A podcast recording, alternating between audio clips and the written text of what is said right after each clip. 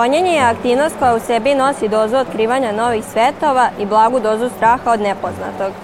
Prvi zapisi o roniocima potiču još iz doba Aleksandra Makedonskog koji ih koristio kao ratne izviđače. Da bismo saznali nešto više o ronjenju, pomogli su nam ronilac Aleksandar Savićević i učenici članovi asocijacije učeničkih parlamenta osnovnih i srednjih škola Sremske Mitrovice.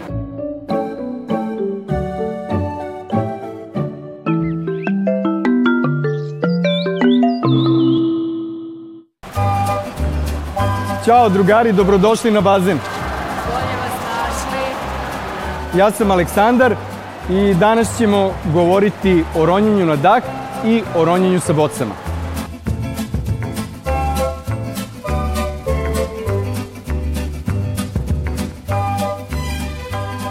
Kakve sve vrste ronjenja postoje? Ronjenje može po- podeliti u dve velike oblasti. Naravno, te dve velike oblasti imaju jako puno podoblasti. Dve osnovne oblasti su ronjenje na dah, dakle ronjenje gde organizam koristi kapacitet samo jednog našeg udaha koje, koji zadržavamo i u zavisnosti od e, treninga, od e, u trenir- treniranosti našeg tela, našeg organizma, mi ćemo ostati određeno vreme pod vodom, izvršiti određeni zadatak, takmičiti se na dubinu, na dužinu ili jednostavno na vreme provedeno pod vodom u tom jednom dahu. A druga velika oblast je a, ronjenje kada koristimo neki izvor disajnog gasa.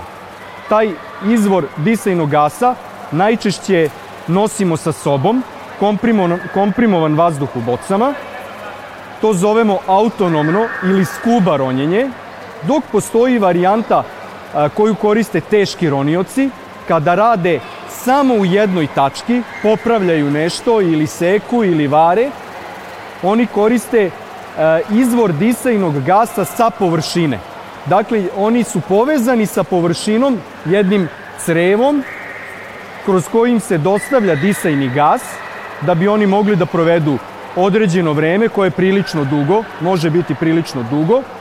Samim tim oni nisu autonomni, dakle mogu da rade samo u jednoj tački ili u veoma e, malom svom okruženju.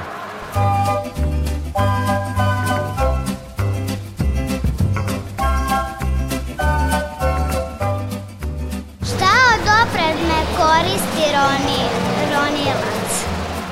Ronioci koriste najrazličitiju opremu. To je jednostavno neophodno da bismo nadomestili sve naše fizičke nedostatke za dug boravak pod vodom koji mi imamo kao ljudska bića.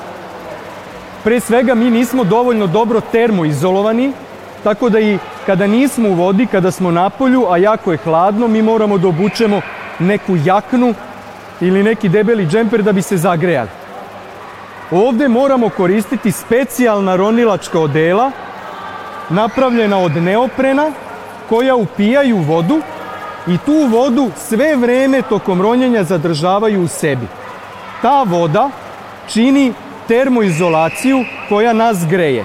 Ovo delo koje imam na sebi, ono je debljine 2,5 mm, što znači da ja konstantno oko sebe imam sloj tople vode od 2,5 mm. Ako bismo ronili u nekoj hladnijoj vodi, morali bismo koristiti deblje odelo, kao što je ovo ovde. Ovo odelo je od 5 mm. Dodatni sloj za to odelo je još 3,5 mm. Znači možemo da napravimo 8,5 mm zaštitnog vodenog toplog omotača oko našeg tela da bi nas štitilo. Vid, naš vid i naše oko stvoreno je da gleda isključivo na površini. Znate i svi, kad zaronite i pogledate, otvorite oči, na moru, u reci, jezeru ili bazenu, vi ne vidite ništa. To je normalno, jer naše sočivo je stvoreno da gleda i vidi samo kroz vazduh. Zato moramo koristiti ronilačku masku koja stvara jedan specifičan vazdušni džep između samog sočiva našeg oka i vode. Pomoću ronilačke maske mi možemo normalno, skoro pa normalno, da e, vidimo kao i na suvom. Vidjet ćemo predmete uvek malo veće nego što jesu i uvek će nam se činiti da su malo bliže nego što oni zapravo to jesu, ali moći ćemo koliko toliko jasnije da vidimo nego bez ronilačke maske. Naravno,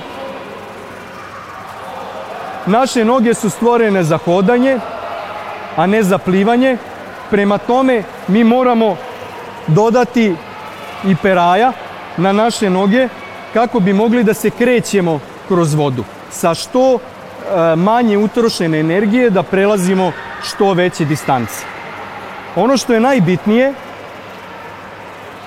je svakako disajni gas, odnosno taj čarobni vazduh koji nam svima ovde na površini omogućava život. Jedan deo vazduha, 21% vazduha je kiseonik, koji nam je direktno neophodan za e, ostvarivanje bilo koje fizičke funkcije, pa i za samo preživljavanje.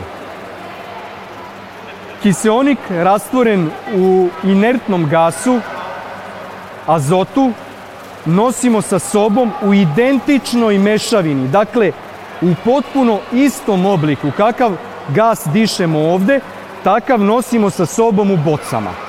U različitim tipovima boca, evo možete vidite bocu od 15 litara, od 12, dvobocnik 2 puta 10 litara, ali u njima je vazduh identičan vazduhu koji dišemo ovde. I veoma je pogrešno kad neko kaže kiseonik. Ne, nije kiseonik. Kiseonik je i dalje samo 21% e, sadržaja ronilačke boce.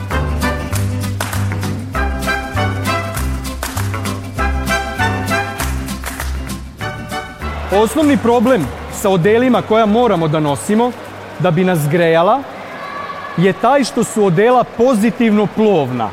Šta to znači u praksi? Uvek ćemo biti na površini vode, nikako nećemo moći da zaronimo. Zato moramo da nosimo ronilačke tegove, tegove koji su od dolova ili često pesak koji je komprimovan u vreće, veoma težak, koji ima ulogu da izbalansira pozitivnu plovnost odela kako bi mogli da zaronimo dole. Jedan od neophodnih delova ronilačke opreme je svakako ronilački nož. Bez ronilačkog noža se ne roni. On je ujedno i spasilački nož.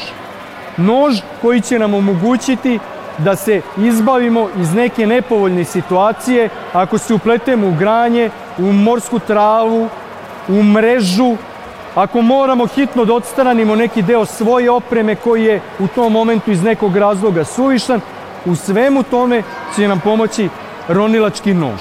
Veoma se razlikuju peraja koja koriste ronioci koji rone sa opremom, sa bocama. Oni nose veoma teške boce i veoma tešku opremu, zato moraju da imaju kratka i široka peraja kako bi ostvarili što veći potisak i kako bi se što lakše kretali u vodi.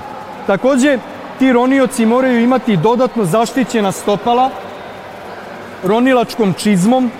Ronilačka čizma liči na pa kao na neke sportske patike sa veoma kvalitetnim džonom, biće u situaciji da mora da izađe možda u mulj, u blato, na stenje koje je oštro, tako da on mora da ima mogućnost da lako obuva svoja peraja i da ih lako skida.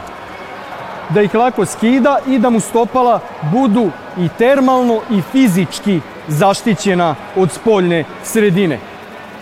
Ronioci na dah koriste peraja sa zatvorenom petom koja su uzana, dugačka, On nema dodatnu opremu osim eventualno odela, noža, maske.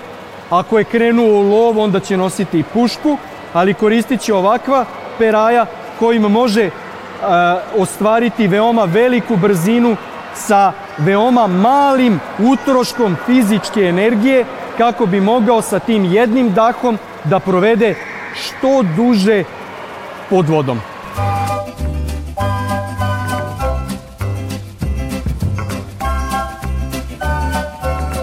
Sada ću da vam pokažem jedan od možda najbitnijih delova. To je ovaj veoma teški aparat. Aparat se sastoji iz boce, iz regulatora. Regulator ima usnik na koji možemo da dišemo najnormalnije kao što dišemo i na površini. U svakom trenutku možemo da pogledamo na kojoj smo se dubini nalazimo i koliko nam je još vazduha preostalo u boci. A ovaj ovde prsluk nam takođe nadomešćuje još jednu stvar koju mi prirodno nemamo. A to je onaj riblji mehur. Riba ima mehur, kad ga naduva ona ide gore, kad ga izduva ona ide dole. Mi to radimo vrlo jednostavno pomoću ova dva dugmeta.